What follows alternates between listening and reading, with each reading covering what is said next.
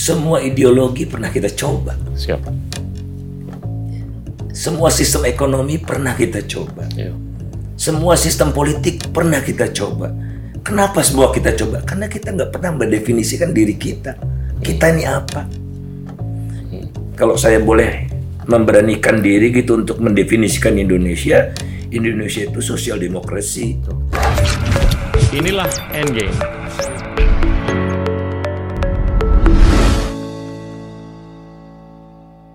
Halo teman-teman, saya sering kali ditanya di sosmed. Saya ingin ikut berkontribusi untuk Indonesia yang lebih keren di 2045. Baiknya mulai dari mana? Mungkin salah satu saran saya yaitu belajar public policy. Nah, itulah pentingnya public policy. to change is definitely also policies, right? Dan untuk mendeliver itu tadi butuh teknologi, butuh uang, dan butuh policy.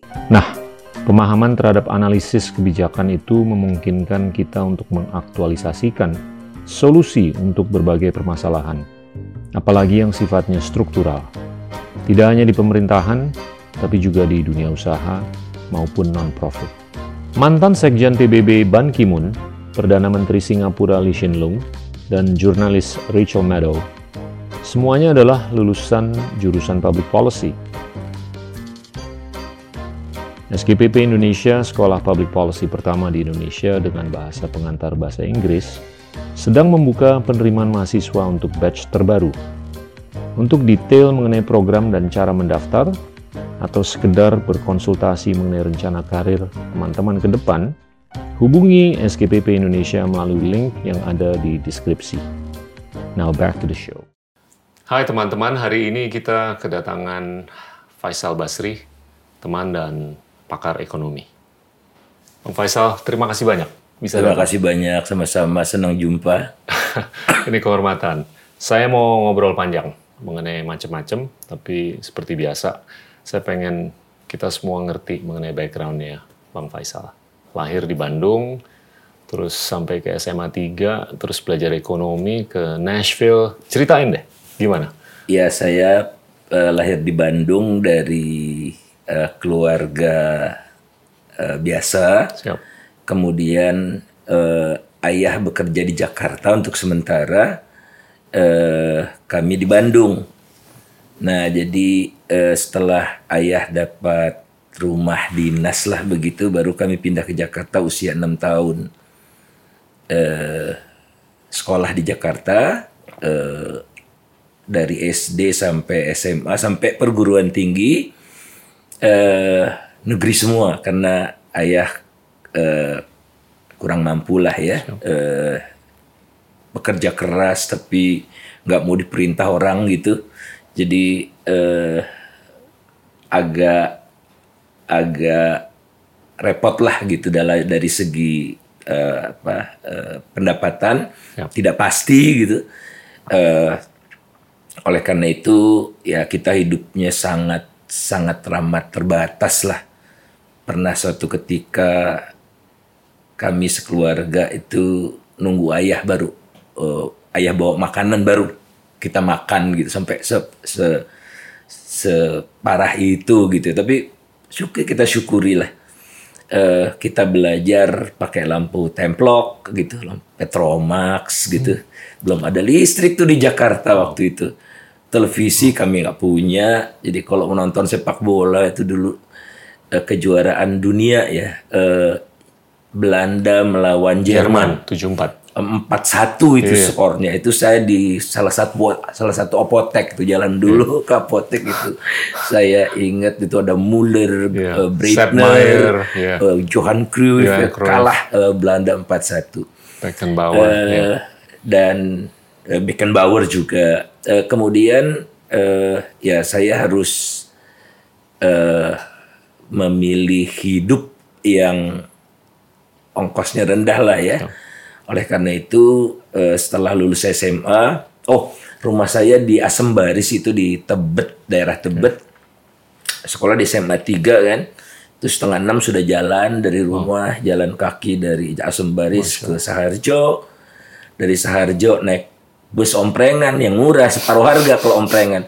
Jadi eh, bus TNI AU eh, yang mengangkut karyawan sebelum dia ngangkut dia ngompreng dulu. Nah, saya berhenti di CPM Guntur itu. Dari CPM Guntur ke SMA 3 jalan lagi. Jadi berapa kilo itu saya. Tapi asik-asik aja tuh, asik-asik aja. Ada guru saya juga yang seperti itu, Bu Rohana saya ingat masih pakai kebaya dia. Ya, eh, kita jalan sama-sama dari Tebet itu. Jadi masih ada juga guru seperti itu di masa yang lalu itu. Nah, kemudian eh ya harus memilih eh, perguruan tinggi untuk mengubah nasib gitu. Siap. Yang semua beasiswa lah. Saya daftar di STAN, Sekolah Tinggi Akuntansi Negara itu di bawah Kementerian Keuangan, Akademi Ilmu Statistik di bawah BPS, Sekolah Sandi Negara, pokoknya yang beasiswa semua. Eh, dan UI, karena saya memang, memang pengen jadi ekonom. Eh, UI kenapa? Karena yang paling murah. Akhirnya semua diterima, saya milih UI. Kata ibu saya, pilih STAN aja lah. Kan pas mau jadi siswa STAN itu golongan 2A, PNS, dapat beras 10 kilo gitu. Saya bilang ke mak, mak, saya manggil diri saya Ical gitu. Ah. Ical kayaknya nggak bakal jadi orang kaya deh, itu kan aja jadi akuntan gitu. Saya bilang, saya biasa apa nggak bisa gitu. Tapi ibu saya tidak tidak me- me- memaksa, ayah tidak memaksa. Nenek saya masih ada nenek, ibu dari ibu itu eh, di saya diajak sama nenek saya ke rumah om-om. Dengarlah perspektif om-om saya itu, ya saya dengar gitu. Akhirnya saya yang diminta memilih sendiri, saya pilih UI uang sekolahnya 60 ribu semiskin-miskinnya ayah masih bisa lah mencari dana uang 60 ribu. Dan 60 ribu itu setahun tidak bayar apa-apa lagi. Eh, kemudian ayah adik saya meninggal setahun kemudian ayah meninggal. Eh ya saya harus survive. Saya tidak bisa bantu orang tua. Setidaknya saya tidak memberatkan orang tua kan Nah kebetulan ada eksodus besar-besaran di staf pengajar eh, FEUI waktu itu karena mereka eh, dianggap eh, apa pengeritik segala macam gitu itu mereka tidak bisa jadi PNS segala macam ya Mandaut Yusuf eh, eh, aktivis bowling juga oh di di di apa di blacklist Itu 78, dan mereka 79. keluar itu. Di situ ada Rudian Kopot Oke. apa Eka Darmayanto Kasih Slamet Seno Aji Fuad Rahmani banyak itu. Ada yang ke kementerian ada yang keluar. Jadi bolong ini eh, pengajaran dan research. Saya melamar baru tingkat tiga ya tingkat dua tingkat dua menjelang tingkat tiga itu biasanya nggak terima. Tapi waktu itu di, diterima saya jadi peneliti. Hmm. Peneliti di lembaga penyelidikan ekonomi dan masyarakat itu dari pangkat yang paling rendah junior udah junior junior riset asisten A A sampai Z tuh jadi dari terendah dari mobil mulai bikin-bikin tabel begitu eh saya tidak sadar bahwa sebagai peneliti itu di LPM wajib ngajar Hmm. Sebetulnya saya nggak ada cita-cita ngajar. Wajib ngajar. Waduh. Jadi saya shock juga pertama kali saya jadi asisten dosen eh, eh, Pak Karjono. Pak Karjono itu waktu itu Dirjen Perdagangan Dalam Negeri baru meninggal dunia. Orangnya sibuk kan, namanya Dirjen Perdagangan lagi setengah delapan ngajar jam tujuh tuh Faisal tolong ganti saya. Aduh saya itu mules-mules. Karena emang saya tidak punya background dari keluarga guru apa segala macam gitu ya. Kemudian eh, ada eh, teman saya saya kan angkatan 78 jadi ada teman saya angkatan 79 ngulang di kelas saya itu. Kerja dia tuh provokasi saya aja dia gini aja tuh. Waduh, saya nggak bisa lihat orang. Jadi sampai sekarang barangkali kalau saya lihat orang banyak itu sebet, seperti seperti sepertinya saya nggak lihat. Ya. Ada masalah di eh, eye contact gitu saya tuh. Eh, nah jadi mulus-mulus lah perut, ada macem-macem deh kalau kalau inget ngajar itu. Jadi semua by accident aja. Jadi dosen by accident, jadi LPM by accident gitu, masuk partai juga by, by accident semua, jadi tidak ada yang didesain ya, tidak ada yang digembleng untuk jadi apa jadi apa gitu. Nah eh, setelah lulus eh, jadi PNS, jadi PNS, baru jadi PNS bisa dapat beasiswa sekolah Ya. ke Vanderbilt Ya. University. Kenapa? itu. Itu kan tempat country music. Sekolahnya keren banget, tapi Mahal. sebagai musisi, curious saja. Eh, saya daftar di beberapa universitas, Rice University di Oh, Houston. keren banget Houston. Kemudian eh, lupa lah ya be- beberapa lagi eh, Vanderbilt yang bisa me- menunda. Jadi saya diterima tahun ini misalnya saya minta Oh, di defer, ditunda Hah. karena saya belum bisa ninggalin mak sama adik-adik gitu. Mereka ndak punya tabungan, ndak punya pensiun, ndak punya apa-apa. Jadi saya bilang ke Mas Iwan, Iwan J. Aziz, Mbak Mary Pangestu, eh, seperti itu kondisinya. Terus eh, setahun kemudian saya minta perpanjangan lagi. Gua kasih ke orang lain aja nih beasiswanya Sal kata Mas Iwan. Terus kata Mbak Mari Pangestu, mungkin Mbak Mari juga udah lupa. Oke adik kamu saya yang nanggung kata Mbak Mary. Dikasih beasiswa dari Panglai Kim. Dulu kan Mbak Mary Iya. punya bank ya, dan dari bank itulah yang Yap. memberikan beasiswa kepada adik bungsu saya gitu untuk kuliah gitu. Nah jadi nggak ada alasan lagi ya saya berangkat, berangkat tidak tahu saya akan tinggal di mana di Nashville itu. Eh, pokoknya betul-betul saya tanpa modal yang memadai, modal fisik dan mental gitu ya. Sehingga waktu saya tiba di eh, eh, Nashville, eh, tidak ada yang jemput karena pesawatnya delay. Karena dulu PNS itu harus naik Garuda sejauh mungkin. Jadi saya dari Jakarta ke Tokyo naik Garuda. Waktu itu tidak ada jad- jadwal Garuda ke LA, eh, maka saya naik eh, United Airlines dari Tokyo ke Washington. Dari Washington ke Chicago. Di Chicago di cancel. Saya nginep di Chicago pusing saya. Ini pertama kali gitu. Pertama kali keluar negeri eh, saya oh, tamu wapres jadi semua diatur karena ini sendiri gitu masih gagap. Nah kemudian datang ke Nashville nggak ada yang jemput saya nggak tahu mau ke mana. Jadi saya tanya di eh, oh ini ada eh, Vanderbilt Hotel. saya di counter itu. Jangan itu mahal sekali katanya. Itu tempatnya eh, Celebrity. Eh, base campnya man- mantan wakil presiden zaman zaman eh, Clinton ya Al Gore.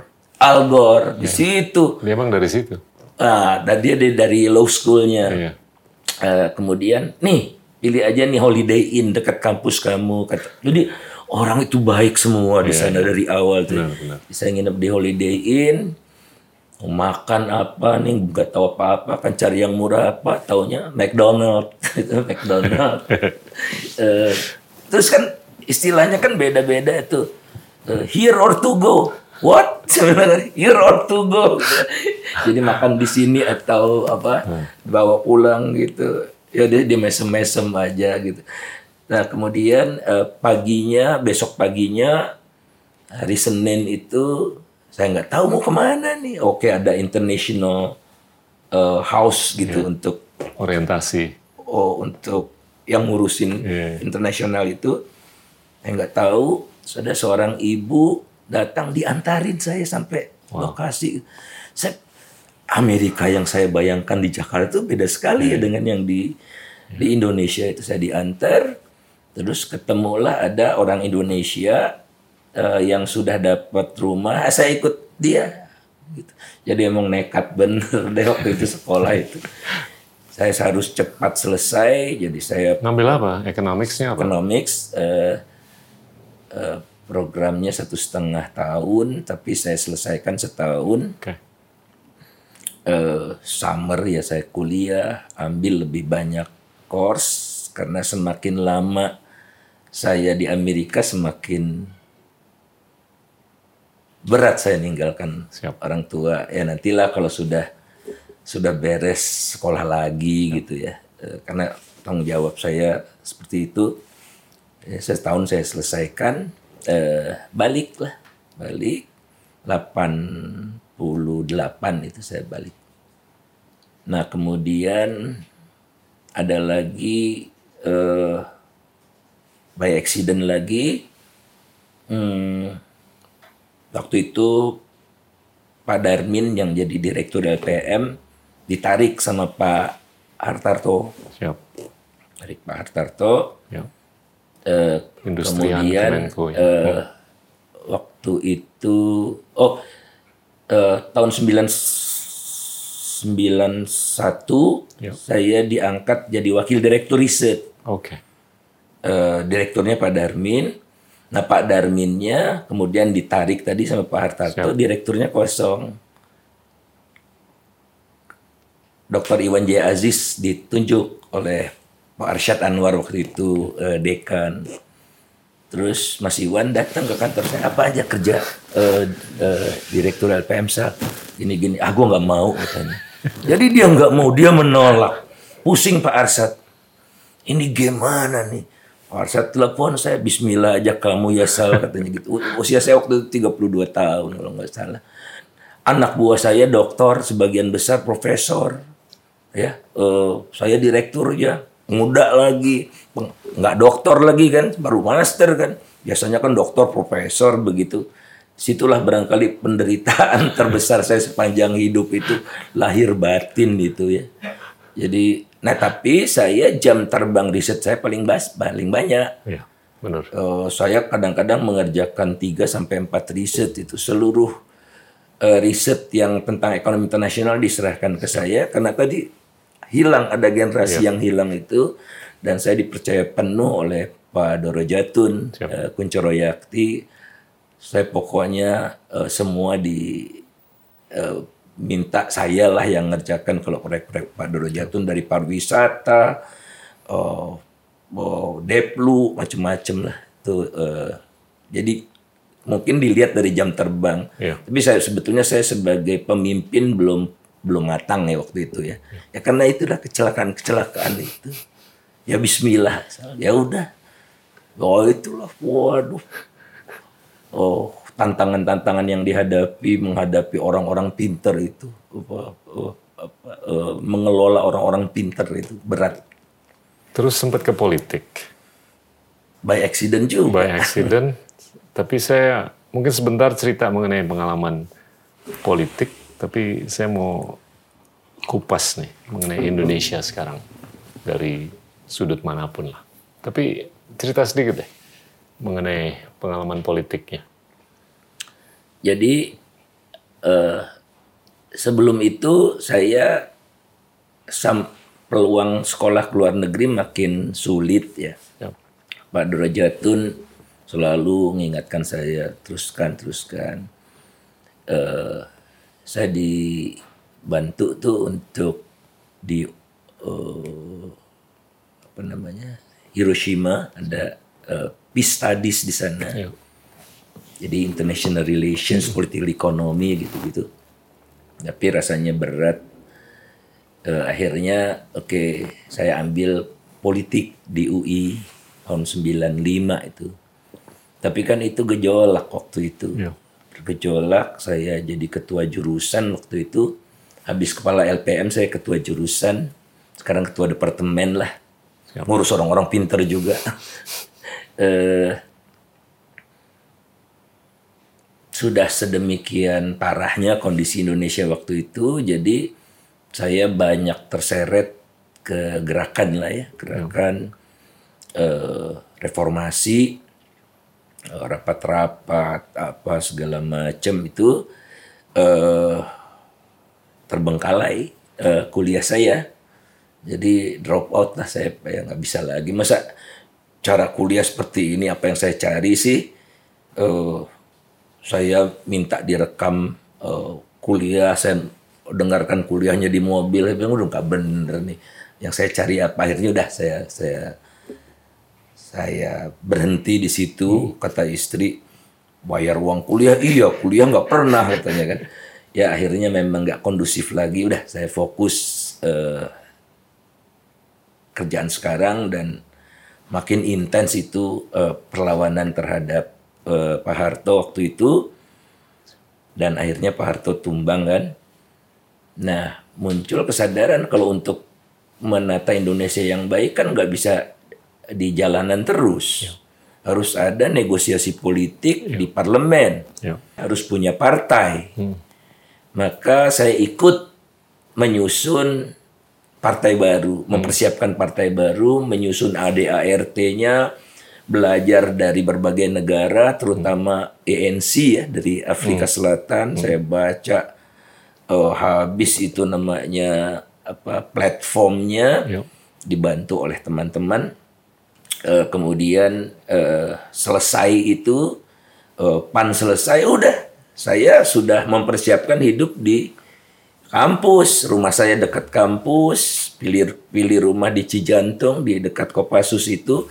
Ada jalan jalan dari belakang itu barangkali 15 menit sampai kampus. Jadi hidup saya pengen di kampus kembali ngajar. Nah, mereka sibuk nih setelah berdirinya partai pengurus. Nah, pengurus eh, Pak Amin udah pasti ketua umum, sekjennya nggak ketemu-ketemu. Eh, pertama Pak Amin Aziz almarhum, wah ketuaan masa sekjennya lebih tua dari ketua umum. Kemudian Bang Ismit Haddad, akhirnya nggak bersedia.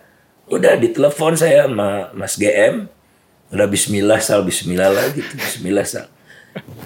Dan saya katakan iya pada waktu itu tanpa saya konsultasi dengan ibu dan istri. Saya lupa banget tapi memang ya memang harus beginilah. Itu jadi sekjennya seperti itu. Jadi ah, jalan aja begitu. Udah. eh, dan itu barangkali pengorbanan keluarga yang paling berat ya. Eh, saya nggak punya apa-apa. Eh, istri jualan kue, istri jualan baju, ambil baju dari Bandung, Sabtu Minggu dia jualan di Senayan sana orang olahraga gitu. Sehingga kalau masuk lagi ke gerakan politik, wah langsung trauma itu. Ibu saya, eh, istri saya, anak-anak saya juga barangkali. Gitulah. Ini udah 24 tahun semenjak reformasi. Gimana menurut Faisal perjalanan demokrasi atau demokratisasi? sebetulnya kita eh, di track yang bagus ya Ya. untuk eh, pendalaman demokrasi dimulai dari electoral demokrasi beres semua eh, eh, relatif baik electoral demokrasi kita. Artinya demokrasi prosedural ya. Demokrasi prosedural. Eh, namun yang eh, menarik adalah partai banyak tapi no significant difference among them gitu. Apa sih beda PDI Perjuangan dengan Nasdem dengan Demokrat? Tidak jelas bedanya apa gitu. Karena tidak satupun partai di Indonesia punya ideologi. Iya, betul. They don't, they, they, they don't, they don't have ideology. Iya. Jadi yang mereka punya cuma azas. Dan azasnya sama semua Pancasila. Iya. Mereka bicara tentang aborsi sama Iya. eh, eh, posisinya. Bicara tentang ketimpangan sama. Sama, nggak ada bedanya. Jadi buat apa ya kita punya banyak partai kalau begini begitu. Sehingga yang muncul adalah pragmatisme. Iya. Nah, PAN sebetulnya dalam perspektif saya ya, orang bisa berbeda-beda karena di PAN itu berbeda-beda latar belakang. Eh, di mata kami, saya dan teman-teman bukan saya sendiri, itu ingin menjadikan PAN itu partai modern, Ya. eh, trendsetter, itu inklusif, eh, eh, eh, yang menawarkan gagasan-gagasan eh, eh, fresh gitu buat negeri ini. Termasuk PAN itu membuka wacana bagi federalisme. Ya. karena the best form of otonomi adalah federalism gitu karena dengan federalism itulah seluruh daerah itu memiliki kuasa yang cukup untuk mengaktualisasikan segala potensi terbaik yang dimilikinya tapi eh, PAN secara resmi menganggap itu bahaya buat PAN karena kan fanmuk lah apa segala macam dicoret itu eh, eh, eh, federalism di dalam eh, platform PAN. Ya. Nah kemudian PAN-nya juga tidak percaya diri, partai yang inklusif segala macam diganti azasnya jadi iman dan takwa. Ya. waduh ini nggak terbayang sebelumnya jadi partai yang apa eh, seperti ini gitu. Akhirnya saya keluar. Karena fondasi yang kita sudah sepakati kan udah dirombak. Ya apa gunanya lagi saya di PAN saya keluar 2001 itu. Di hadapan teman-teman itu waktu itu ulang tahun Malari di hotel apa? Saripan Pasifik saya masih ingat. Bang Hariman ngompor-ngompori saya. Lo kalau udah nggak setuju udah lu keluar. Iya bang. Hari ini saya keluar saya bilang. Dan itulah. Jadi ya accident-accident seperti itu jadi nggak ada yang direncanakan. Udah begitu barulah ada press conference segala macam gitu. Nah eh mulai gamang nih ya, ini kok politiknya ke arah sini. Mungkin waktu itu menurut saya arah reformasi akan berbeda kalau terjadi perubahan rezim. Hmm. 98 tidak terjadi perubahan rezim. Yang terjadi adalah Pak Harto dijatuhkan atau Pak Harto mundur. Penggantinya tetap rezim lama. Ya. Jadi seperti main pak bola kalau eh, eh, eh, pemain menendang lawan secara sengaja kan kartu merah tidak boleh main dua kali setidaknya. Ini Golkar masih boleh ikut pemilu. Ya dia yang paling siap, logistik yang paling besar dan kita anggap Golkar itu ya tidak ada dosa-dosanya lagi. Menurut saya dosa mereka terbesar harusnya mereka tidak boleh ikut pemilu dua kali setidaknya atau setidaknya satu kali lah. Jadi waktu pemilu setelah reformasi memang yang menang PD Perjuangan. Pemilu kedua Golkar yang menang. Tidak terjadi perubahan rezim. Jadi ya sampai sekarang kita lihat langgang itu orang-orang yang di sana.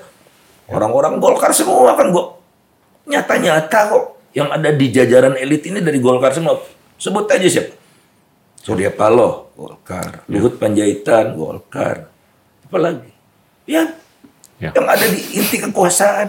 Jadi tidak tidak mengalami perubahan rezim. Nah inilah yang Ya.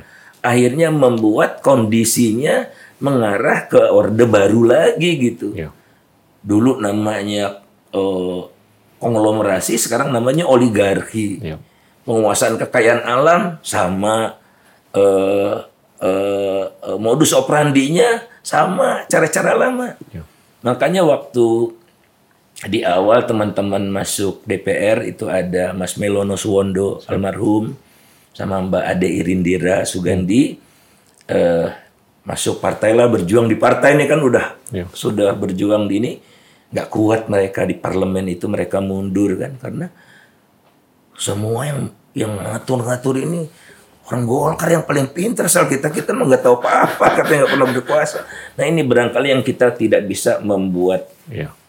Apa pemisahan tegas antara eh, rezim yang telah meluluh lantakkan Indonesia dengan Pak Harto gitu seolah-olah musuh kita Pak Harto. Oleh karena itulah waktu Pak Harto menyatakan mundur saya ada di gedung parlemen sebetulnya mahasiswa udah pulang. Ya, mahasiswa udah pulang, mahasiswa nggak mandi dua hari nggak bisa di Indonesia itu. Jadi mereka pulang. Jadi waktu Pak Harto mundur, mahasiswa sudah tidak ada di gedung parlemen, yang ada gerakan buruh. Saya orasi di sana. Saya bilang, saudara-saudara sekalian,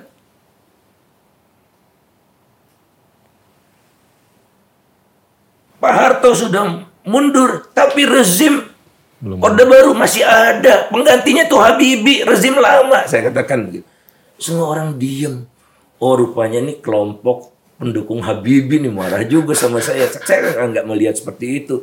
Nah itulah barangkali yang eh, kita lupakan sehingga mereka telah menggurita kembali dengan cepat. Ya Pak Prabowo juga bagian dari Orde Baru. Jadi semua yang sekarang berkuasa sekarang ada Orde Baru. Kalau kita gabung Golkar, Nasdem, Demokrat, Hanura segala macam digabung sama 70% kira-kira gitu. 60 65 persen. Jadi tidak pernah terjadi perubahan rezim.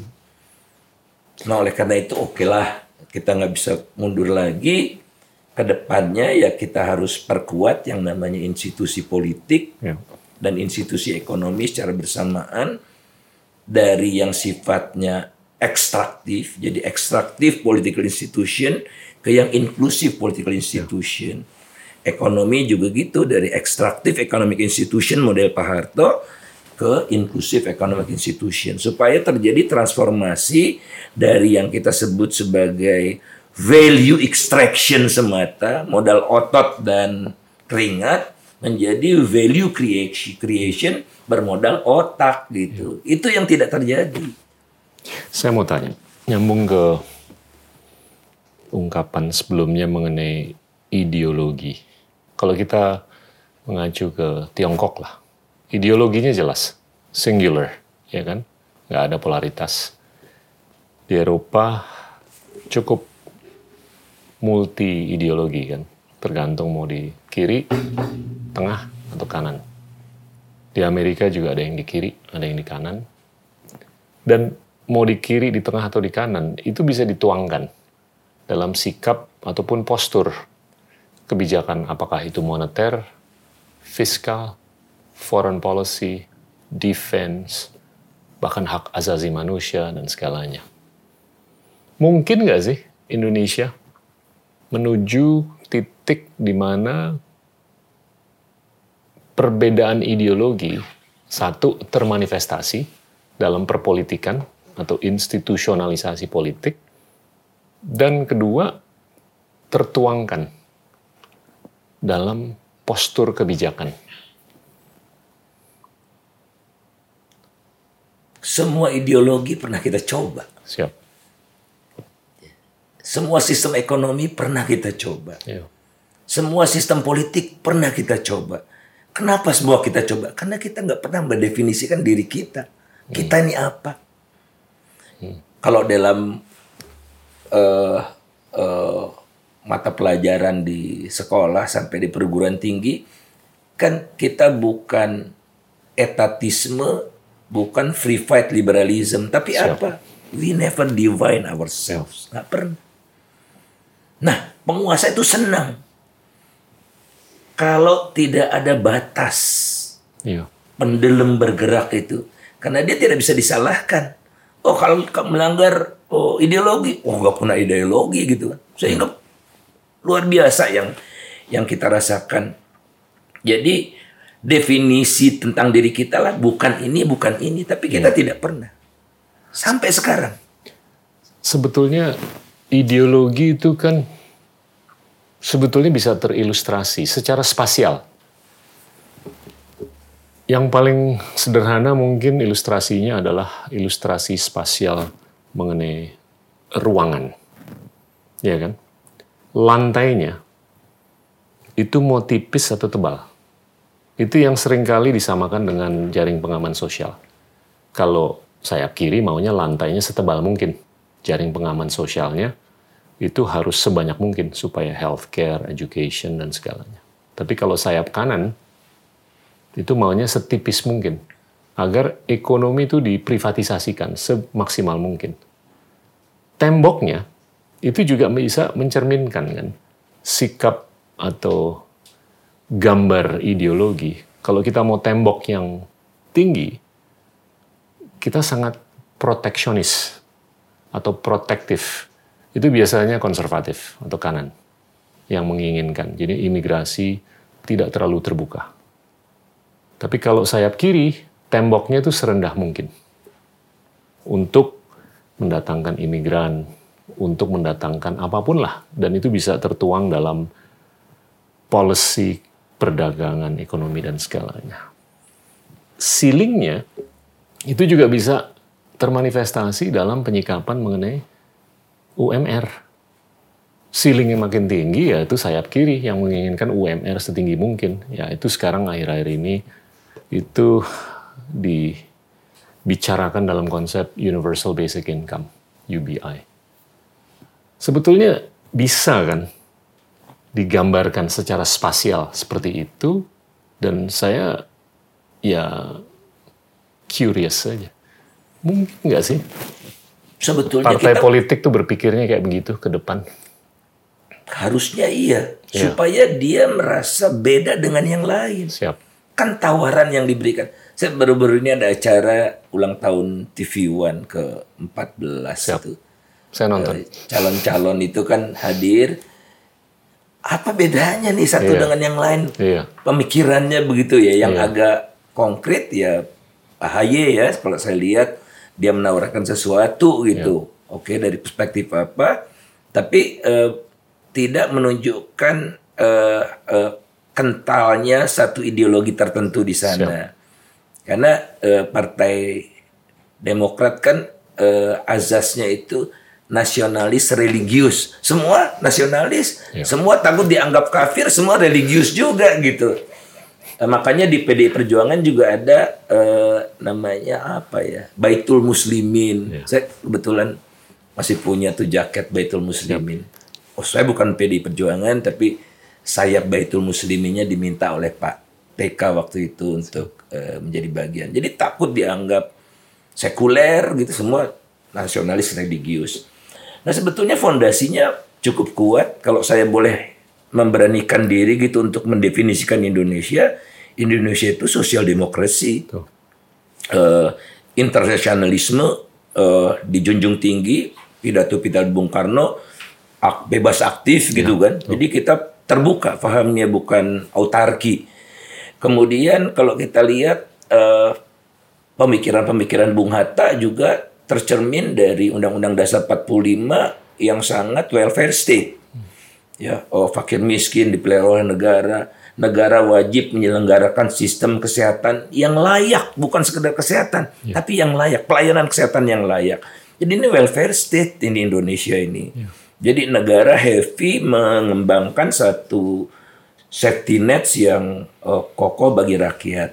Nah kemudian bagaimana kekayaan alam, alam kita yang besar ini, bumi, air dan kekayaan alam yang terkandung di dalamnya dikuasai oleh negara bagi sebesar besar kemakmuran rakyat. Dikuasai oleh negara tidak harus BUMN kata Bung Bung Hatta.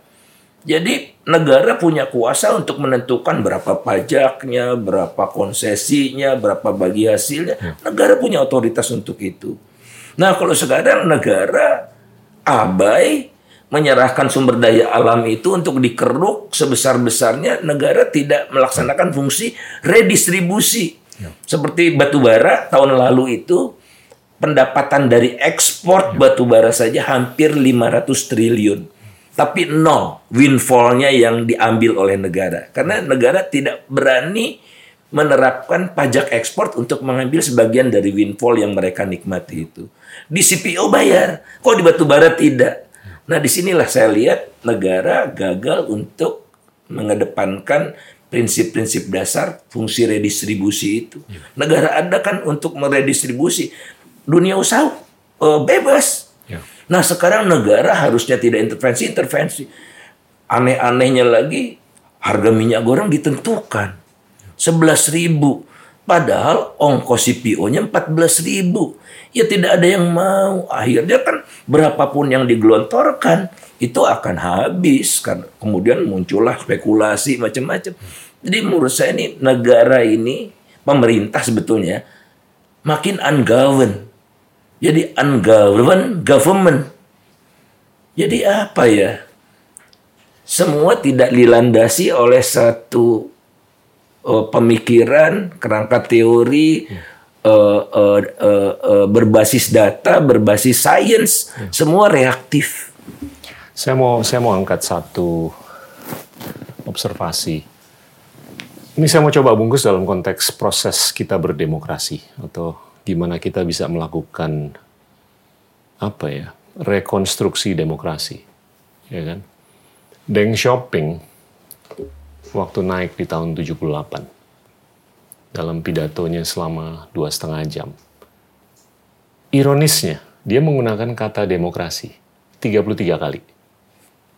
Ya kan?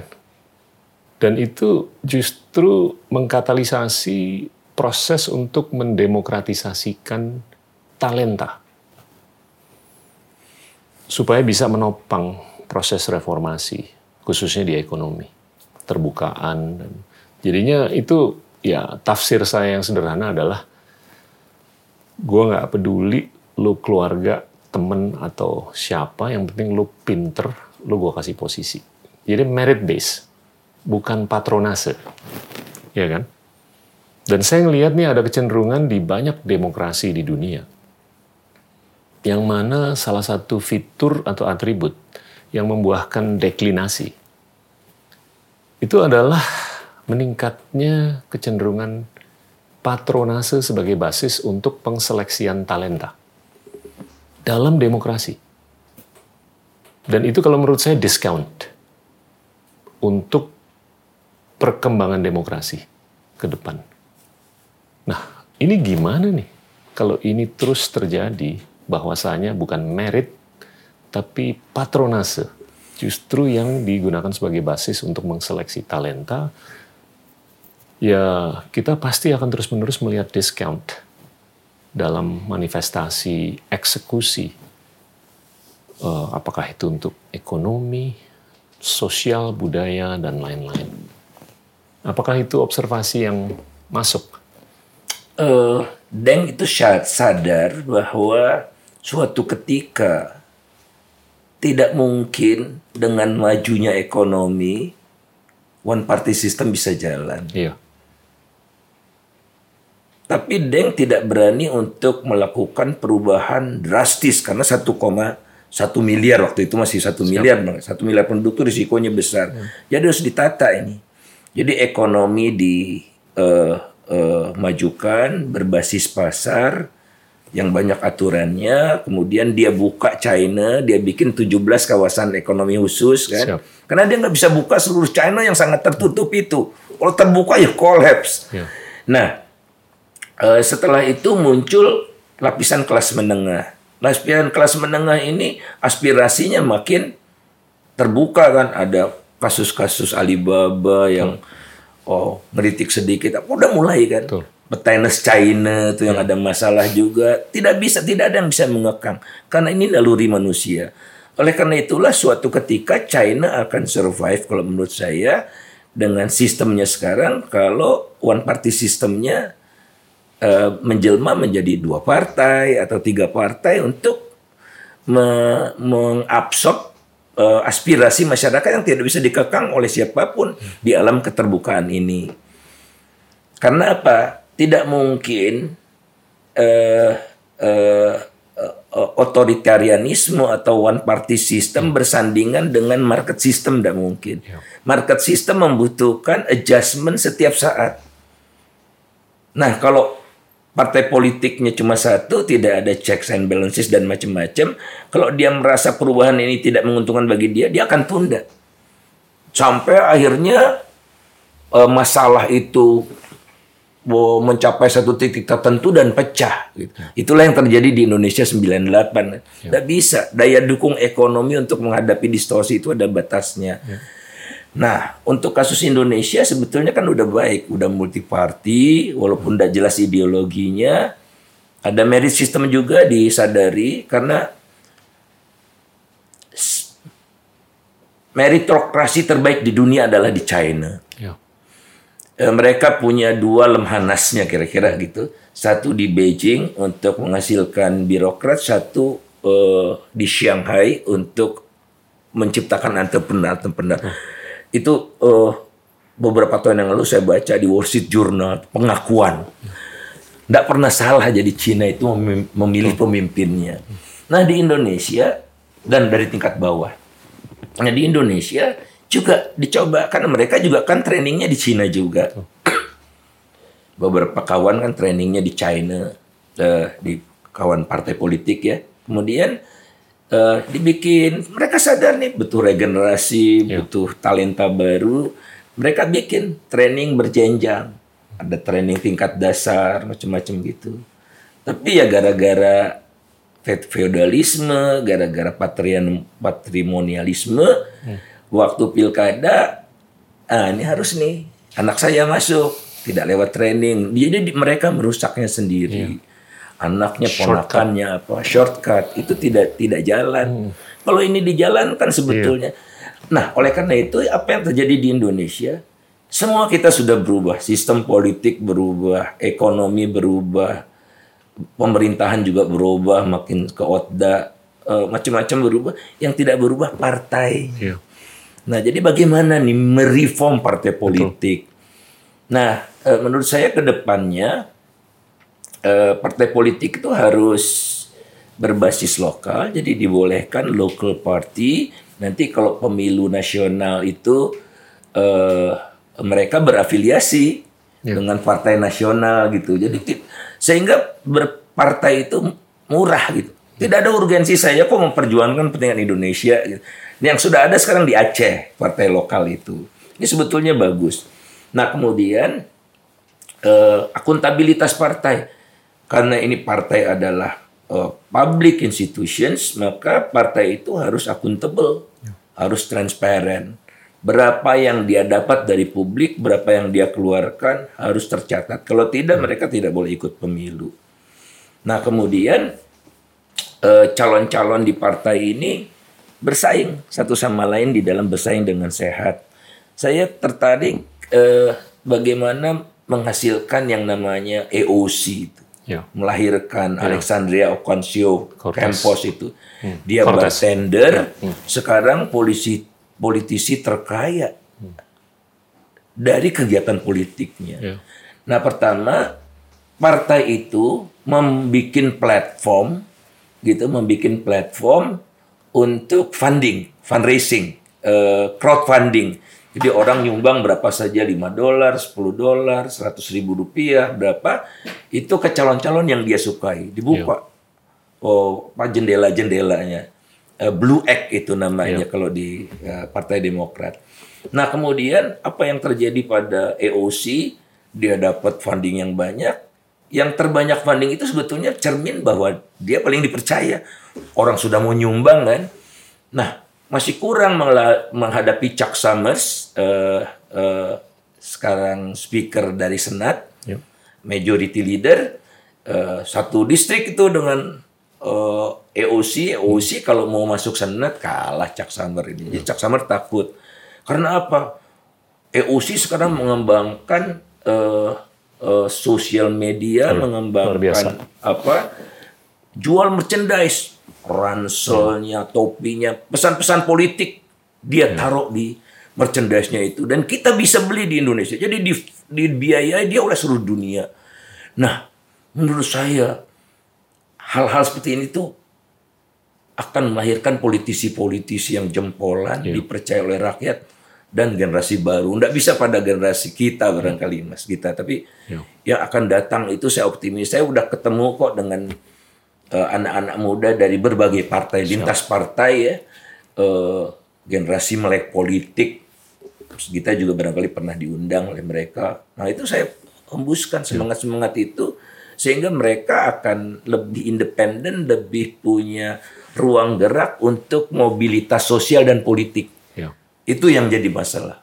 Apa social mobility, political mobility di kita terhambat oleh ruang politik yang Ya. pengap, yang tidak ada ventilasinya. Jadi sirkulasinya tidak terjadi. Inilah masalah di kita. Tapi saya yakin 10 tahun lagi setidaknya Ya. akan berubah. Ya. Yang yang nyoblos 2024, 29 ke atas. Itu yang sekarang masih nonton Cartoon Network.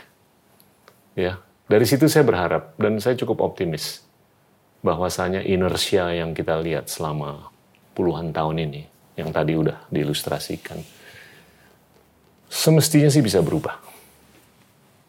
Bahwasanya generasi penerus nih mereka cara berpikirnya beda. Dan dan gimana kita bisa melembagakan talenta sebagai kriteria atau merit sebagai kriteria salah satu yang utama untuk pengseleksian talenta untuk partisipasi di macam-macam dan gimana dia tuh bener-bener ya kalau di Tiongkok kalau mau masuk ke salah satu dari tujuh anggota di Politburo itu dia udah diuji puluhan tahun Dari Ya, level terbawah. Iya, jadinya by the time mereka udah masuk ke situ ya tutup mata lah. Nah, saya mau geser nih ke topik ekonomi. Gimana pandangan Faisal mengenai ekonomi Indonesia? Mulai dari bagusnya dulu deh. Bagusnya itu tidak pernah terjadi sepanjang sejarah Republik Indonesia inflasi sangat rendah dan stabil. Stabil pada level yang rendah. Itu pencapaian yang luar biasa di era Pak Jokowi tidak pernah terjadi pada era-era sebelumnya. Masalah terbesar kita inflasi dan sekarang inflasi bukan masalah. Lepas terlepas dari caranya dan sekarang kemampuan pemerintah mengendalikan makin terbatas, maka mulai terjadi kenaikan-kenaikan karena dulu ditekan, BBM ditekan, listrik ditekan, segala macam ditekan kan ada ongkosnya. Siap. Nah ongkosnya ternyata udah nggak bisa ditanggung lagi oleh karena itu gradually kita harus memberikan peluang kepada inflasi untuk naik. Kedua, inflasi yang naik juga pertanda bagus. Artinya ada geliat. Inflasi yang re- eh, naik kan menunjukkan kita sudah berkeringat. Tandanya ada kegiatan ekonomi. Jadi inflasi rendah jangan dianggap prestasi. Ini cerminan dari daya beli masyarakat yang rendah. Jadi interpretasinya jangan dijadikan eh, jangan jangan statik ya. Kita harus lihat dalam konteks dinamis. Itu inflasi yang tidak ada tandingannya. Nah, kemudian yang eh, paling parah menurut saya yang sama sekali di luar sentuhan negara negara tidak melakukan apa-apa praktis mendiamkannya bahkan memperburuknya adalah kekuatan jantung kita yang bahkan semakin lemah dan jauh lebih lemah dibandingkan kondisi sebelum krisis. Kalau sebelum krisis kita kredit to GDP ratio-nya itu masih 60-an, sekarang cuma 38 dan trennya turun terus.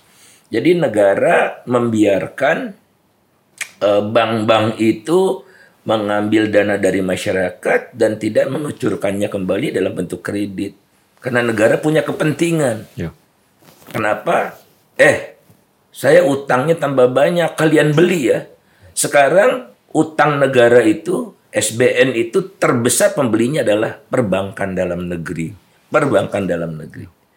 Kedua adalah BI digabung semua itu ya sudah habis. Jadi tidak terjadi dinamika di dalam ekonomi at the cost of private sector. Private sector kita eh, megap-megap sementara uangnya kan dipakai buat bangun ibu kota baru, buat kereta cepat, buat jalan tol yang tidak efisien, segala macam yang menyebabkan ICOR kita tinggi. Ya.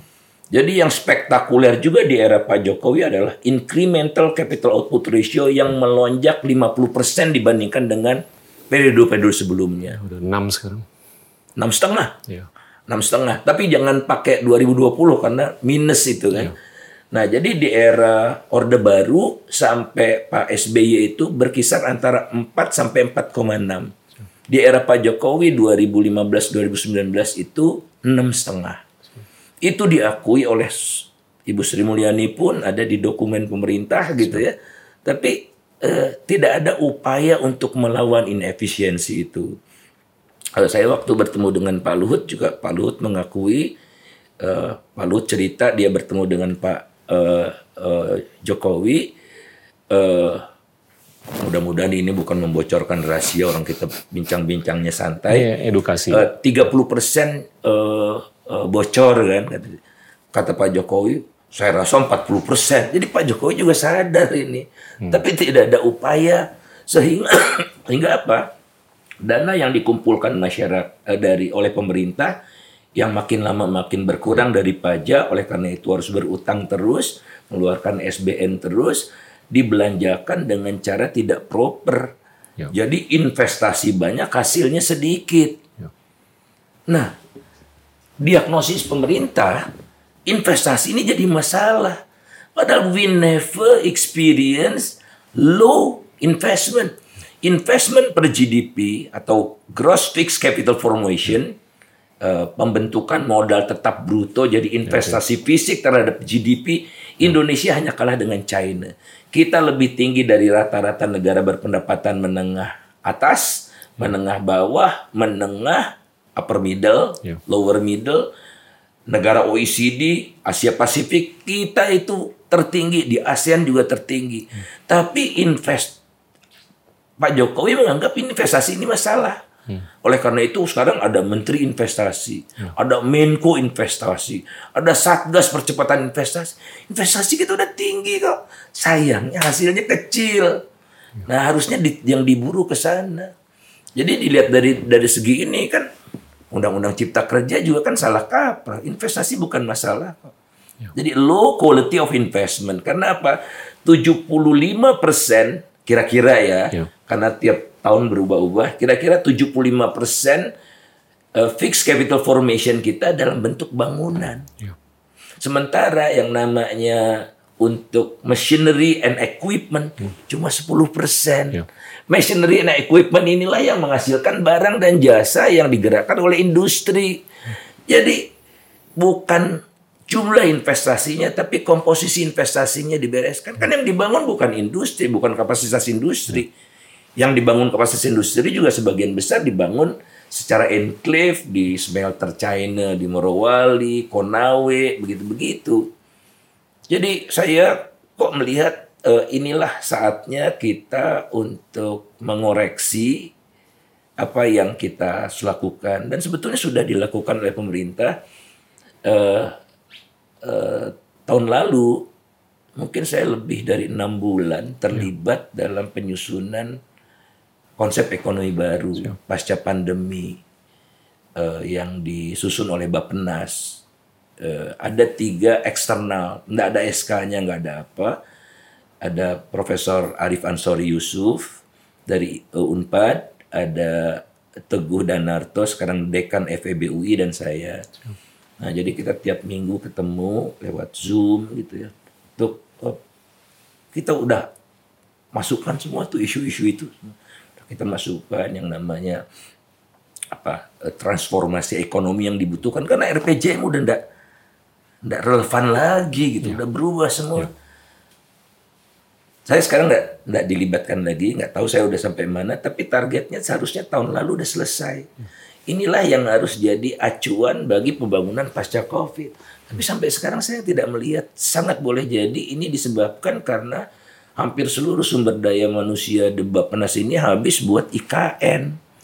Padahal konsep besarnya tentang pasca COVID ini harus jelas. Nah, yang saya sampaikan ke Mas Gita barusan ini semua sudah diakomodasi di di sana.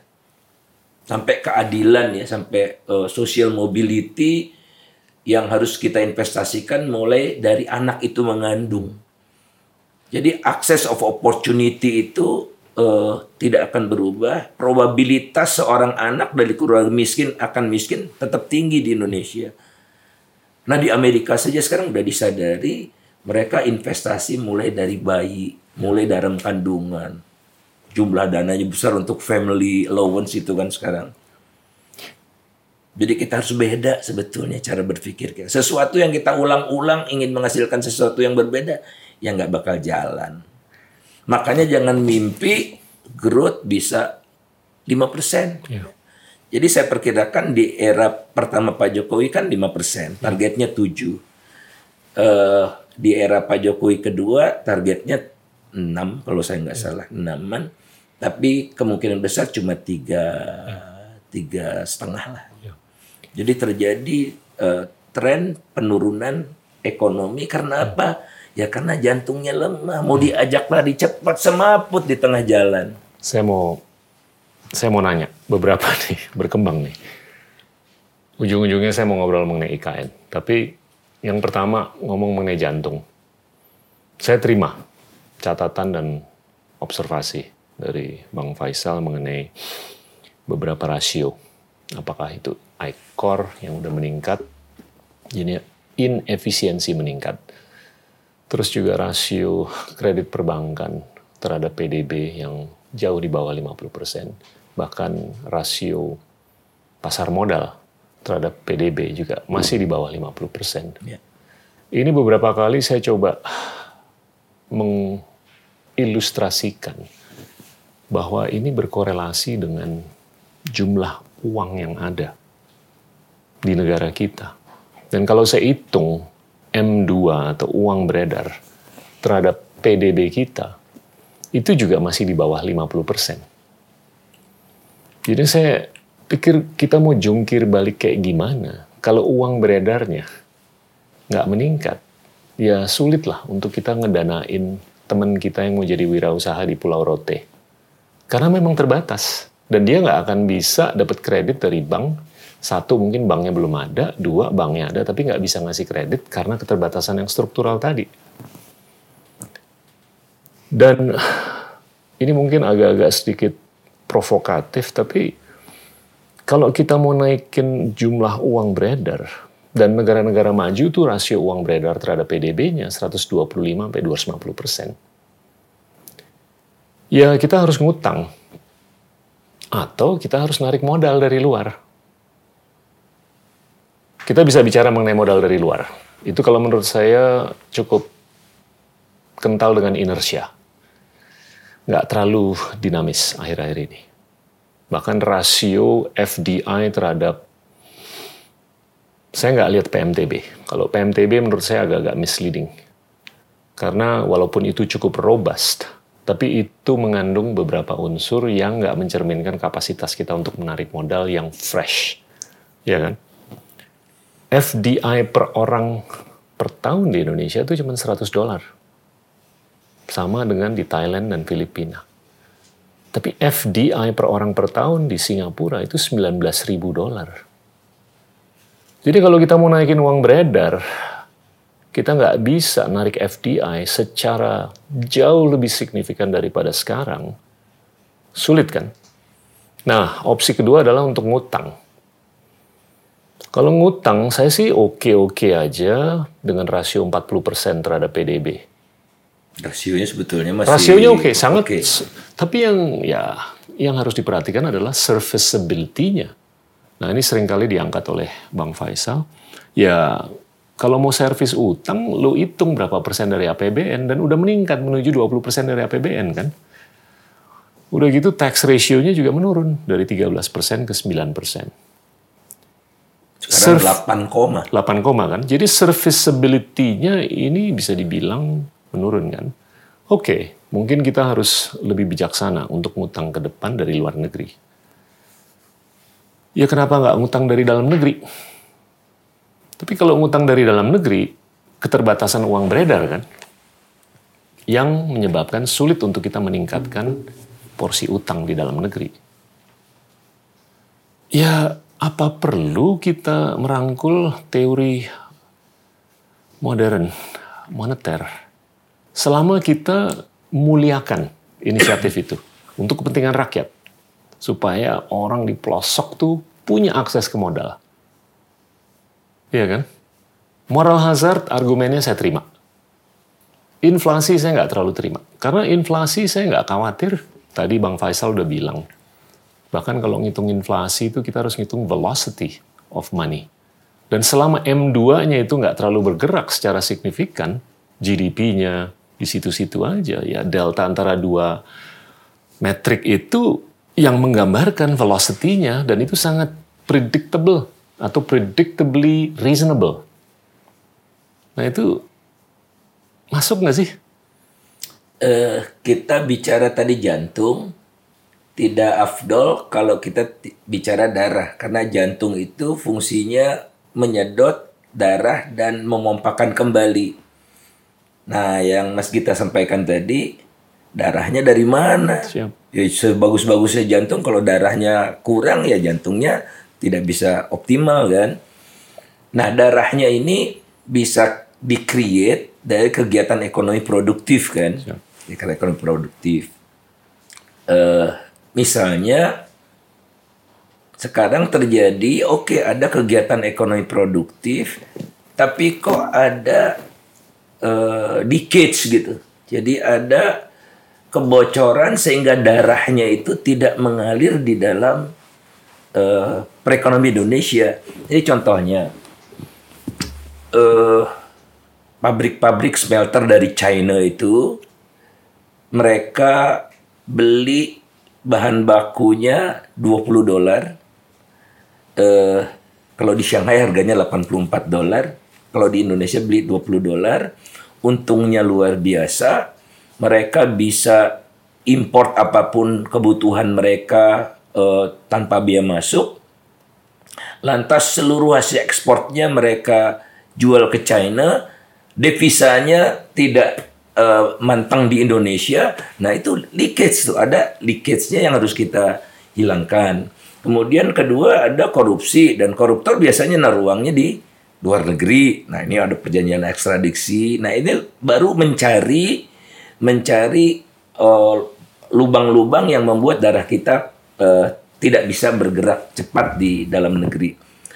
Nah, yang eh, ingin terobosan juga adalah oke okay, kita cetak uang.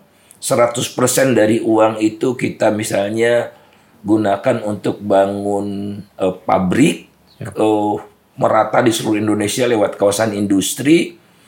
Eh, idealnya eh, pabrik itu semennya dari Indonesia, bataknya dari Indonesia, macam dari Indonesia segala macam gitu. Sehingga tidak uh, uh, tersedot untuk banyak yang import. Unfortunately, struktur industri kita tidak mendukung. Karena 75% bahan baku industri itu kita impor. Iya. IKN ini juga sebetulnya bagus kalau kita seluruhnya dari dalam negeri. Tapi kan nggak mungkin. Oh IKN-nya harus lebih bagus dari Dubai. Uh, uh, apa uh, lantainya kan nggak pakai marmer Tulung Agung, nggak keren, marmer Itali. Oh, lampu kristalnya kan dari Ceko kan, bukan dari mana-mana gitu. Jadi konten impornya tinggi ini. Nah, jadi ini bisa digunakan misalnya yang lebih lebih masuk akal ketimbang IKN bangun satu juta rumah sederhana. Betul. Nah itu batu batanya semua bisa dari dalam negeri dibiaya dari utang itu. Kemudian uh, uh, uh, tidak ada yang leakage gitu. Nah namun ada masalah. Saya sepakat dengan ide MMT-nya. Uh, namun apa pun sistem yang kita terapkan ada prasyarat. Siap. Prasyaratnya itu tidak ada korupsi, Ya. tidak ada moral hazard. Nah, coba sekali kita izinkan mereka untuk uh, printing money yang tujuannya mulia, besoknya min- mereka minta printing money untuk yang lain, disiplin fiskal betul. yang sudah terbukti dalam sejarah kita meluluh lantakkan republik ini sehingga secara ekstrim oleh orde baru ditutup yang namanya cetak uang itu Ya. balance budget. Jadi historis sama seperti misalnya mungkin Mas Gita masih ingat ada Steve Hanke Siap. Datang ke Indonesia presentasi kepada Pak Harto eh, dibawa oleh Bu Rini Sumarno kalau nggak salah itu eh, lewat Titi Soeharto dan Miranda Gultom itu pendukung eh, eh, mo- apa board currency board waktu itu. Waktu itu rupiah belasan ribu Steve Hanke datang eh, saya jamin Pak Harto lima ribu dia bilang kan gitu kan lima ribu. Nah dia mau bikin currency board seperti di Hong Kong di Singapura. Nah prasyaratnya tidak terpenuhi. Karena secara, polit- secara politik tidak memungkinkan. Karena apa? Kalau ada currency board mau tidak mau permintaan akan valuta asing meningkat. Ada keterbatasan falas. Nanti kroni dulu yang begitu. Jadi saya setuju konsepnya tapi prasyaratnya tidak terpenuhi untuk di sini dan kita perlu cara yang barangkali tidak ekstrim MMT tapi tidak ekstrim juga setuju saya tentang FDI ini. Nah, komentar saya tentang FDI karena Indonesia secara sadar menciptakan barikade yang tinggi, tembok yang tinggi, dan tertinggi kedua setelah Saudi Arabia untuk FDI masuk. ada OECD membuat indeks namanya FDI Restrictiveness Index. Kita nomor dua tertinggi. Ya. Jadi secara sadar. Nah, apa itu bentuknya? Adalah kewajiban bahwa seluruh investor itu harus bermitra dengan lokal. Nah, di negara lain kan tidak ada. Iya. Nah, di situlah mereka keberatan. Nah, jadi kalau kita mau attract FDI, saya rasa mudah sekali bebaskan mereka asal mereka bayar pajak. Iya. Mereka create employment, bawa teknologi dan memastikan pasar. Dan FDI yang harus kita upayakan untuk menopang si kecil ini, UMKM kita yang luar biasa ini, eh, orientasinya harus berbeda. Jadi yang saya bayangkan kita bikin kawasan industri tematik eh, untuk UMKM. Jadi misalnya temanya electronics yang terkait dengan electronics, mebel segala macam, kita undang FDI UMKM Iya. dari Jepang, Korea dan Taiwan yang mereka sekarang nggak bisa mempertahankan pabriknya di sana itu karena ongkos makin mahal mereka akan bedol bukan bikin cabang tapi bedol pabrik mereka pindahkan ke sini mereka cari mitra mereka sudah punya pasar mereka sudah punya eh, apa namanya yang menyedot dana karena mereka pemasok industri-industri besar kan Iya. Nah, seperti itu akan akan lebih cepat kita mengangkat UMKM ini. Menurut saya UMKM kita ini kebanyakan. Jadi kita harus strengthen UMKM ini supaya kecil dan menengah yang besar, bukan mikronya. Ini ini observasi aja. Singapura tuh bisa mendatangkan 19.000 dolar FDI Per orang. per orang per tahun. Dan kita cukup memahami lah bahwasanya Singapura tuh mendekatkan diri secara ideologi dengan liberal democracy untuk beberapa dekade terakhir. Walaupun mereka predominantly Chinese. Tapi yang menarik adalah walaupun mereka melakukan pendekatan secara ideologi dengan liberal democracy, mereka bisa menarik modal dari mana pun. Dari Tiongkok, bejubel, dari Rusia, dari Eastern Europe, dari Indonesia, dari seluruh dunia. Mungkin, ini hipotesa saya, salah satu atribut yang menyebabkan mereka bisa menarik itu adalah penegakan hukum. Ya kan? Bukan ideologi, bukan kerangka hukum. Kalau kerangka hukum saya berani berargumentasi bahwasanya mereka proteksionismenya ada. Bahkan kita lebih liberal dengan mereka dalam konteks beberapa sektor. Dan mereka tuh sudah berhasil membuktikan diri sebagai a nation of law. Sedangkan beberapa negara yang lain itu a nation of lawyers. Nah itu yang kalau menurut saya struktural. Membedakan kenapa si A bisa narik modal dari seluruh dunia tanpa kepekaan mengenai ideologi dan segalanya, tapi penegakan hukum jelas. Tapi yang lainnya, si B, si C, si D, nggak bisa setinggi si A, itu berhasil membuktikan diri sebagai a country of lawyers, bukan a country of law. Iya kan? Nah itu kalau umpamanya hipotesa ini benar atau bisa dipertanggungjawabkan, ya kita nggak usah terlalu sibuk merekonstruksi kerangka hukum. Kita hanya menyibukkan diri untuk menegakkan apa yang mungkin dipersepsikan kurang tegak. Gimana? Ya saya kebetulan nga- mengajar itu mata kuliah ekonomi politik. Pernah mengajar gitu. Sekarang udah tidak dapat assignment lagi. Ekonomi politik, ekonomi kelembagaan, institutional economics, behavioral economics, dan sejarah pemikiran ekonomi. Jadi Mas Gita eh, kembali ke buku Why Nations Fail itu, kemudian eh, dilanjutkan Nero Corridor dari Acemoglu dan Robinson itu, eh, dan itu penuh dengan debat. Jeffrey Sachs eh, eh, mengkritik habis di Foreign Affairs kalau nggak salah. Tapi dibalas lagi. Ter- terjadi ini ya pe- pertukaran gagasan yang luar biasa yang di kita hampir nggak pernah ada kecuali di sosial media. Nah eh, dan eh, akhirnya tersimpulkan bahwa oke banyak faktor yang menentukan keberhasilan pembangunan. Kata Jeffrey Sachs ada budaya, ada historis, geografis, segala macam gitu. Tapi eh, Acemoglu Robinson membuktikan oke dia setuju, tapi the most important factor adalah institutions. Dan itulah Singapura itu contohnya. Jadi strong institutions. Apa sih yang disebut ap- sederhananya institutions kan rules of the game. Ya. Semua jelas, semua pasti. Jadi kalau saya melakukan ini, hukumannya jelas. Kalau di kita, kasusnya sama hukumannya beda-beda. Ya. Nah, jadi saya juga pernah kebetulan jadi saksi eh, di Pengadilan Tinggi Singapura gitu. Dua korporasi Indonesia berkelahi gitu.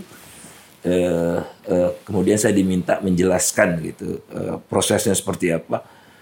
Jadi due process of law-nya itu paripurna. Ya. Nah, jadi kalau di sini kita bersaksi di pengadilan mulai dari pengadilan negeri sampai ke Mahkamah Konstitusi, jangan lama-lama ya. Ini waktu terbatas tolong dipercepat ya gitu. kalau di sana ditentukanlah masa sidang ya. Saya dapat satu hari setengah. Kesaksian saya itu satu hari setengah. Sampai saya bilang, saya harus sore ini harus pulang nih. Jadi tolonglah diselesaikan sekarang. Sampai puas kedua belah pihak.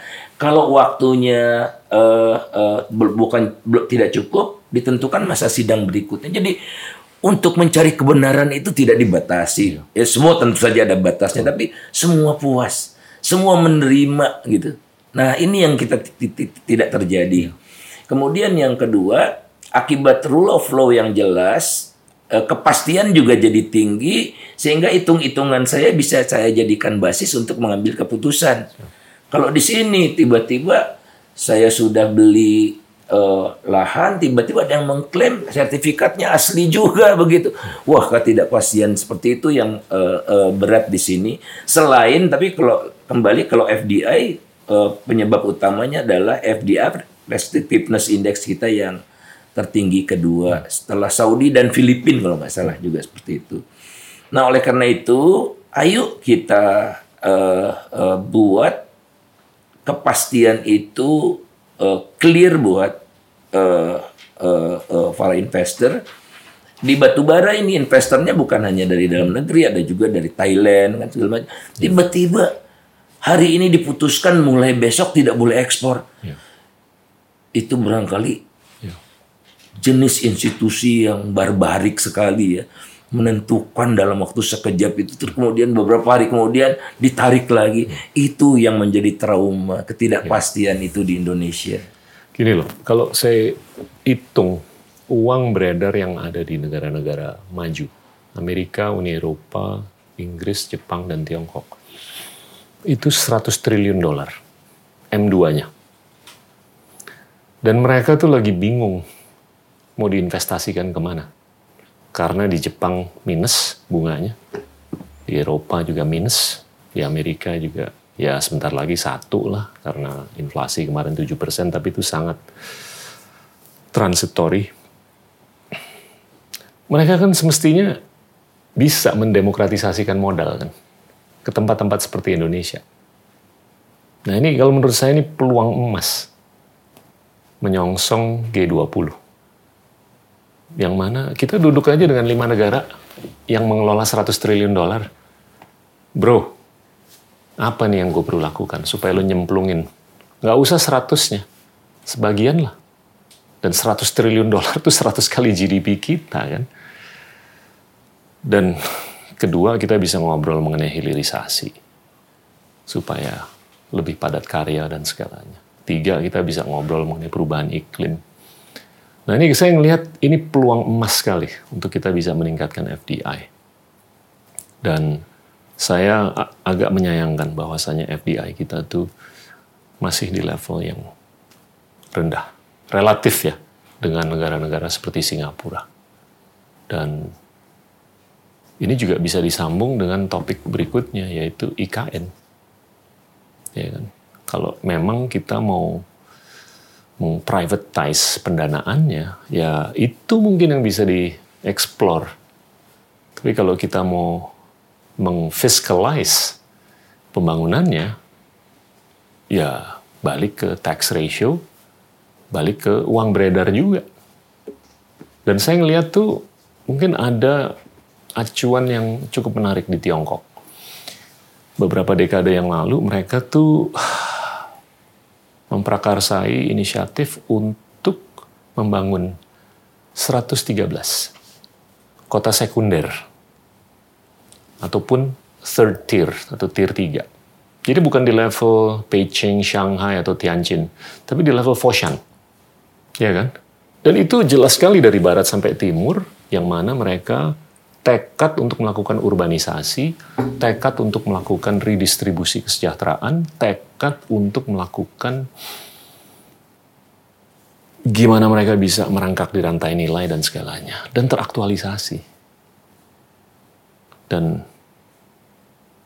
ya mungkin nanti babak berikutnya setelah IKN, kalau kita duitnya udah cukup, uang beredarnya udah cukup, untuk kepentingan redistribusi kesejahteraan, kita pikirin tuh Kebumen kayak Banyuwangi kayak Jember kayak Tarakan kayak Bengkulu kayak Rote kayak atau apa, itu kita tingkatkan. Gimana tuh Mas? Nah kalau kita bicara ini saya optimis. Siap. Optimis dalam artian begini. Indonesia terdiri dari 17.500 sekian pulau, sambung menyambung menjadi satu, dirajut menjadi Republik Indonesia oleh laut. Ya. Jadi bukan laut yang memisahkan pulau-pulau itu. Lautlah yang mempersatukan pulau itu. Dan tidak ada satupun negara mirip dengan Indonesia. Kita ikut model pembangunan China, Amerika, Eropa, kontinental semua. Ya. Kekuatan laut inilah yang selama ini kita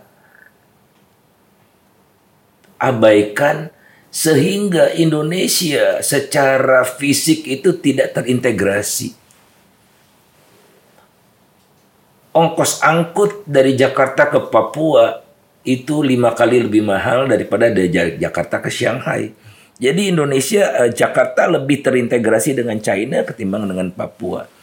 Dan yang bisa membuat Indonesia terintegrasi adalah ekonomi lautnya, kekuatan laut yang ditopang oleh transportasi laut.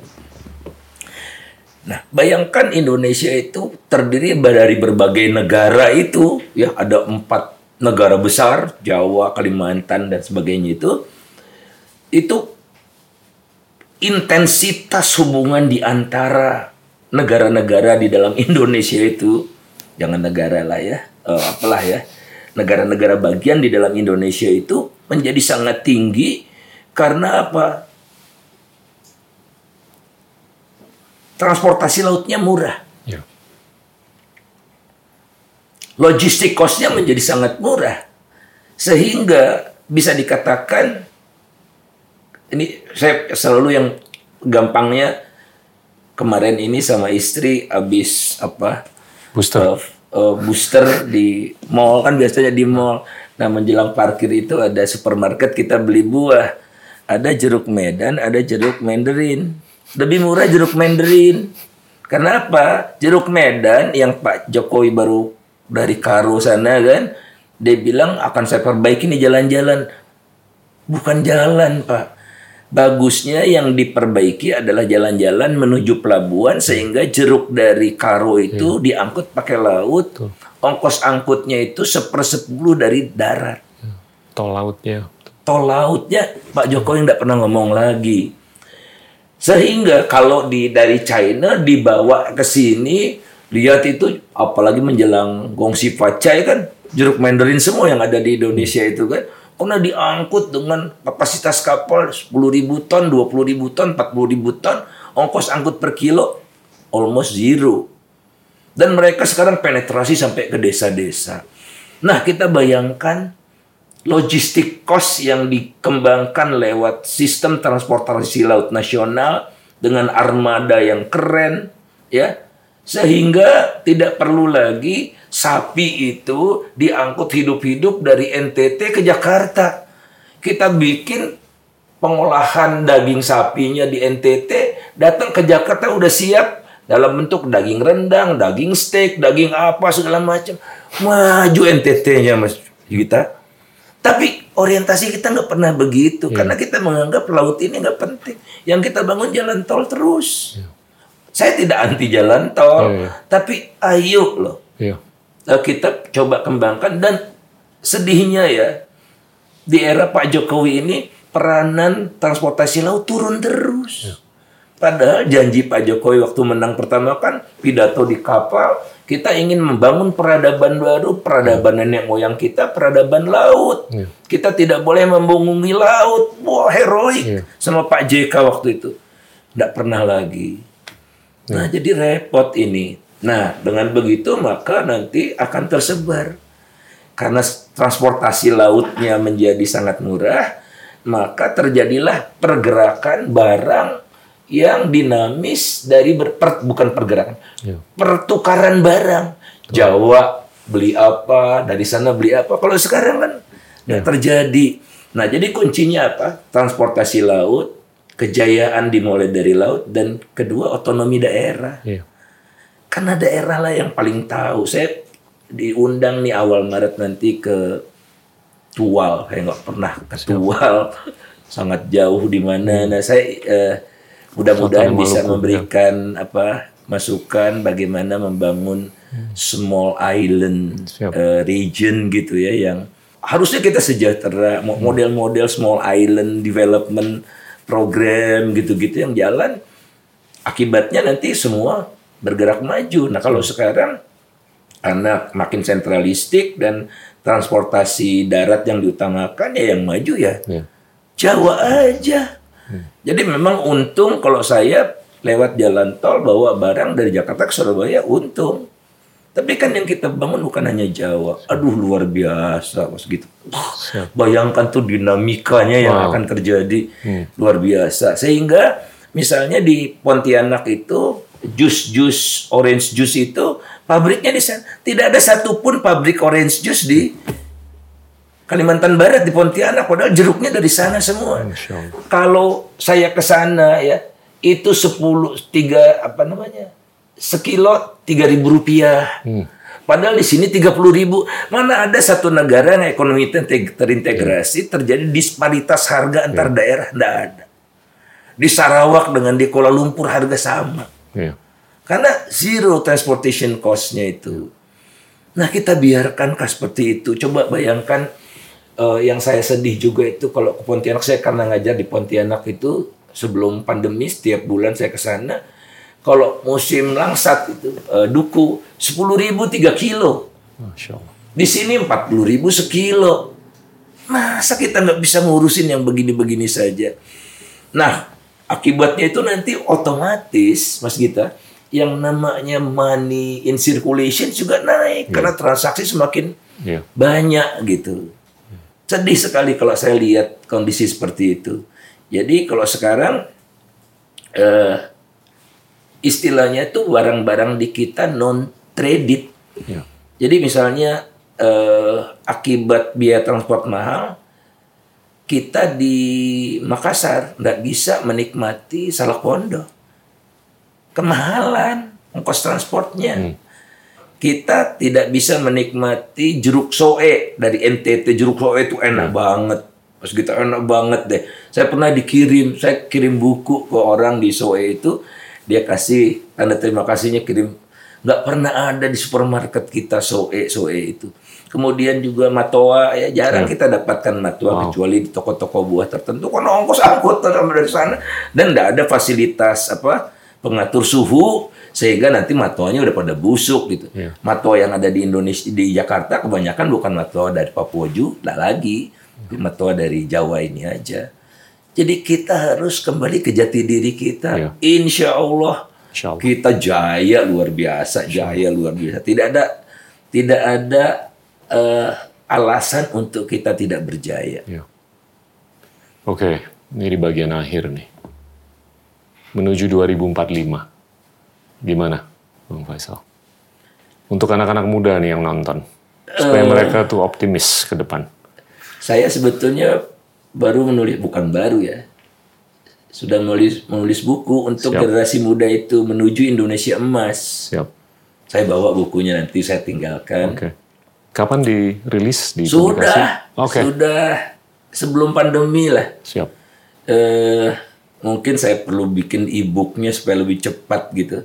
Menuju Indonesia Emas. Menuju Indonesia emas. Masya Allah. Eh, 2045. Jadi memang buat generasi eh, eh, Z lah ya, generasi milenial, generasi Z itu syarat-syaratnya seperti apa, apa yang harus saya lakukan, kesiapan anak mudanya.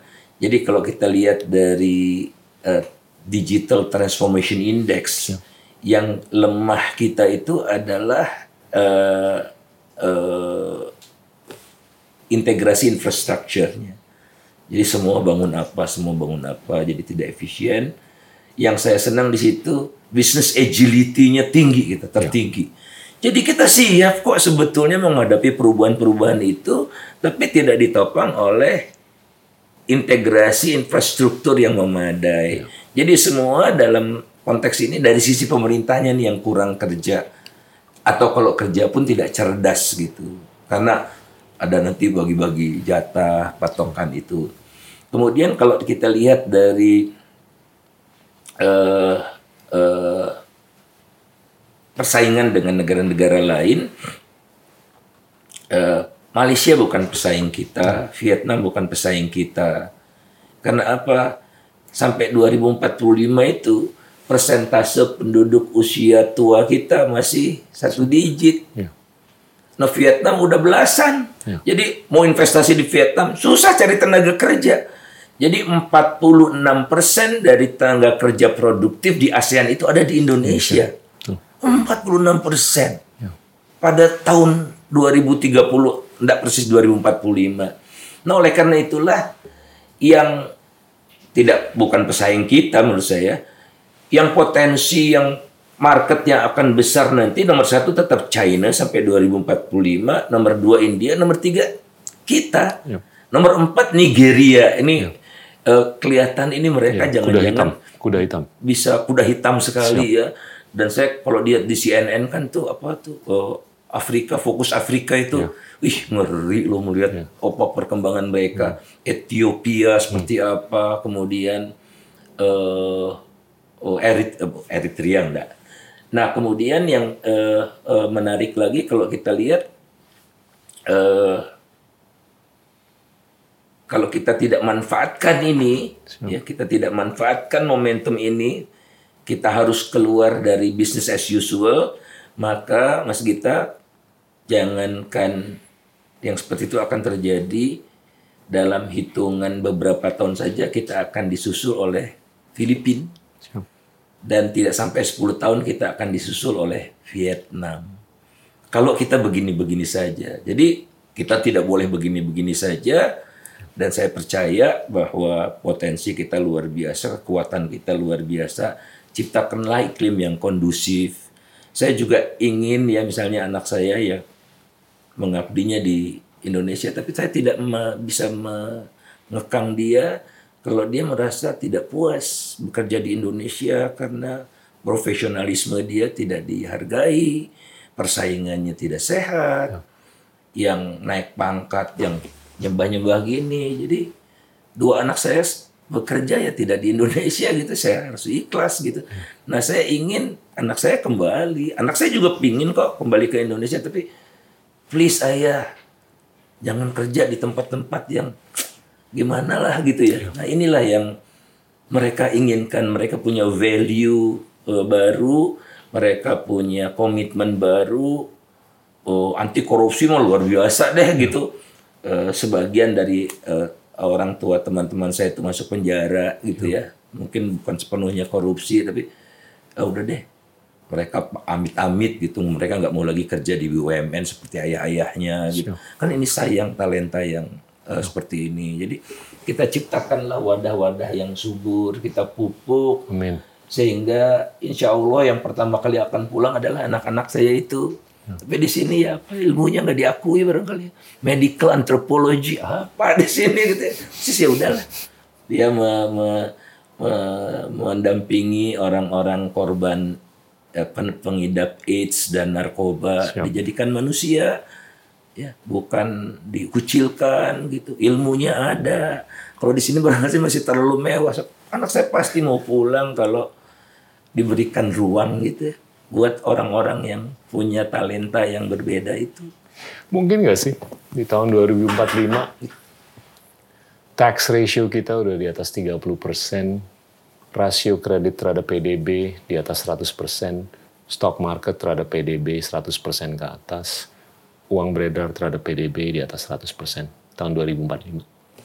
eh, semua ini kan ibaratnya eh, kita panen panen durian lah Siap. Jadi durian itu akan berkualitas tinggi kalau bibitnya unggul. Ya. Kemudian kita pupuk, kita sirami, kita pelihara dengan baik. Jadi hasil dari itu apa yang Mas Gita katakan tadi adalah hasil dari kita Ya. mulai sekarang menanamnya. Ya. Maka tanamlah bibit-bibit unggul itu sekarang. Jadi seperti tadi eh, eh, industri eh, parts and components karena sederhana kok diagnosisnya kalau kita ingin menurunkan impor maka turunkanlah eh, ketergantungan parts and components. Nah kalau kita larang import ini itu padahal barang konsumsi cuma 10%. Tapi itu aja yang kita hambat-hambat gitu kan. Beli handphone di luar negeri nggak boleh begitu kan, nggak bisa Bro, yang benar-benar seperti itu. Padahal itu cuma 10 persen. Nah, harus kita mulai dari yang 75 persen. Kita bangun eh, eh, eh, kawasan industri everywhere. Tapi kalau kita bangun kawasan industri yang besar-besar di tempat lainnya, industrinya tidak ada. Tapi kalau tematik, misalnya di di Sulawesi bisa eh, mebel rotan gitu ya. Ya, kenapa mebel rotan di Sulawesi bisa selama ini di di Cirebon? Karena ongkos angkut dari eh, eh, Sulawesi eh, eh, eh, ke luar negerinya mahal, makanya mereka akhirnya ya udahlah di Cirebon bikinnya begitu. Karena apa? Transportasi dari Sulawesi susah. Nah jadi dengan begitu eh, insya Allah akan muncul kegiatan ekonomi yang lebih merata. Oleh karena itu eh, darahnya juga makin banyak diproduksi. Ya. Mengapa tidak mungkin walaupun barangkali eh, tax ratio kita eh, jangan sampai 30% kalau menurut saya ya. Eh, karena saya percaya tax itu tidak perlu tinggi-tinggi, tidak perlu tinggi-tinggi, ya di 25% saya rasa sudah cukup Oke. eh, untuk menghadirkan welfare state karena saya lebih percaya pada yang diajarkan oleh eh, Nabi Muhammad gitu. Eh, di Islam itu eh, eh, zakat itu cuma dua setengah persen. Wah ini kalau di kanan bener ya kalau di dunia dua setengah persen. Karena apa? Karena keyakinan bahwa dunia usaha masyarakatlah yang paling tahu cara terbaik untuk memutarkan uangnya. Negara hanya hadir untuk menjadi safety nets Ya. yang di dalam eh, Islam itu namanya eh, baitul mal Siap. gitu. Baitul mal untuk membantu orang-orang yang kelaparan, orang-orang miskin gitu. Nah, kemudian kedua, konsep yang menarik juga dalam Islam itu eh, kegiatan-kegiatan yang tidak produktif dikenakan pajak lebih tinggi. Ya. Ih Tuhan nggak adil kalau kalau kayak gitu.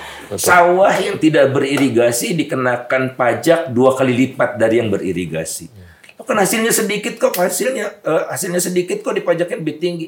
Karena Tuhan marah sudah dikaruniai kekayaan alam yang bagus tapi tidak dirawat dengan baik sehingga produktivitasnya rendah, hasilnya sedikit. Kalau hasilnya sedikit maslahatnya buat masyarakat juga sedikit harga-harga pangan jadi naik.